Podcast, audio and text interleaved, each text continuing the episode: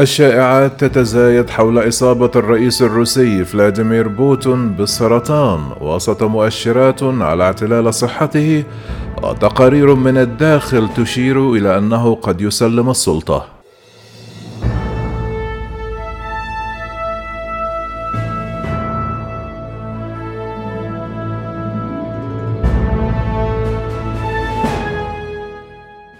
زعم أحد المطلعين في الكرملين أن الرئيس الروسي فلاديمير بوتين قد يضطر بالتخلي عن السيطرة على الحرب في أوكرانيا لعدة أيام حيث يستعد لإجراء جراحة لإزالة السرطان.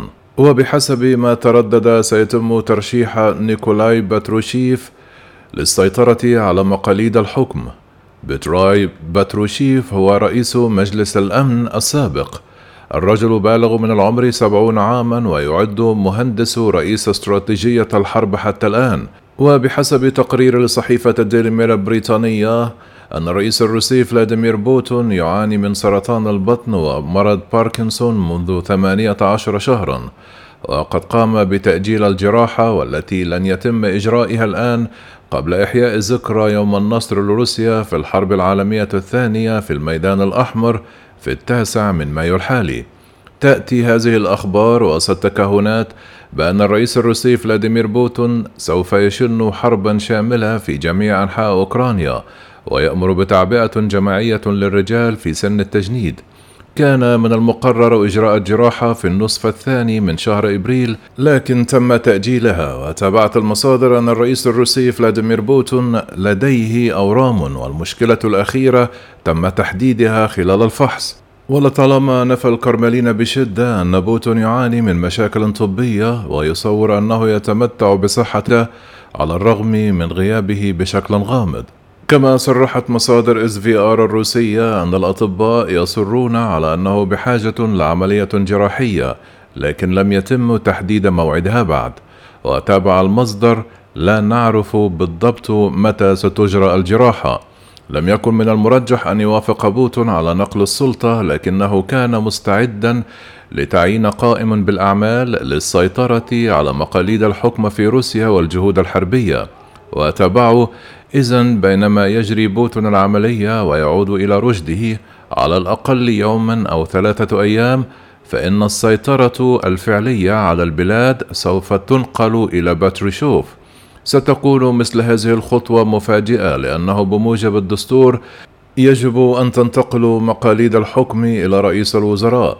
الرجل البالغ من العمر 56 عاما هو تكنوقراط غير معروف وليست له صلات معروفة بالجيش أو الخدمة السرية.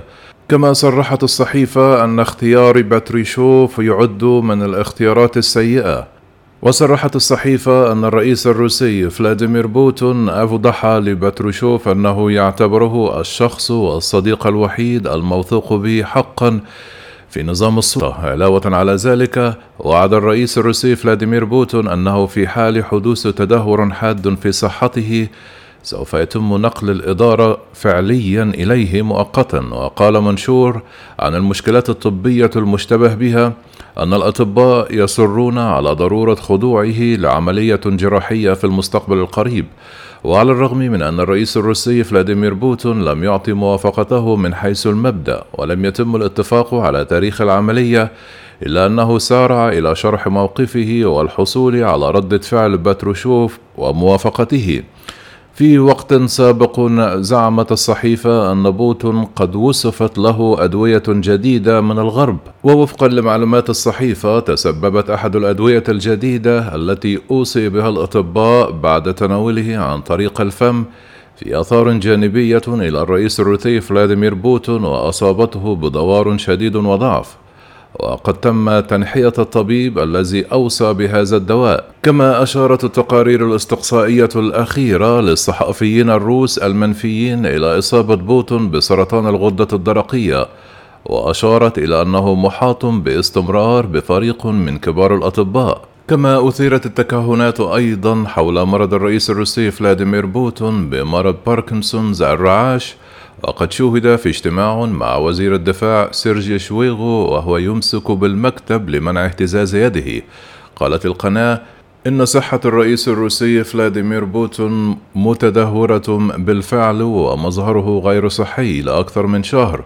كما صرحت المصادر الروسية أن الأطباء المعالجون لم يتمكنوا من إقناع بوتين بتغيير الأدوية التي تثبت أعراض مرض باركنسون.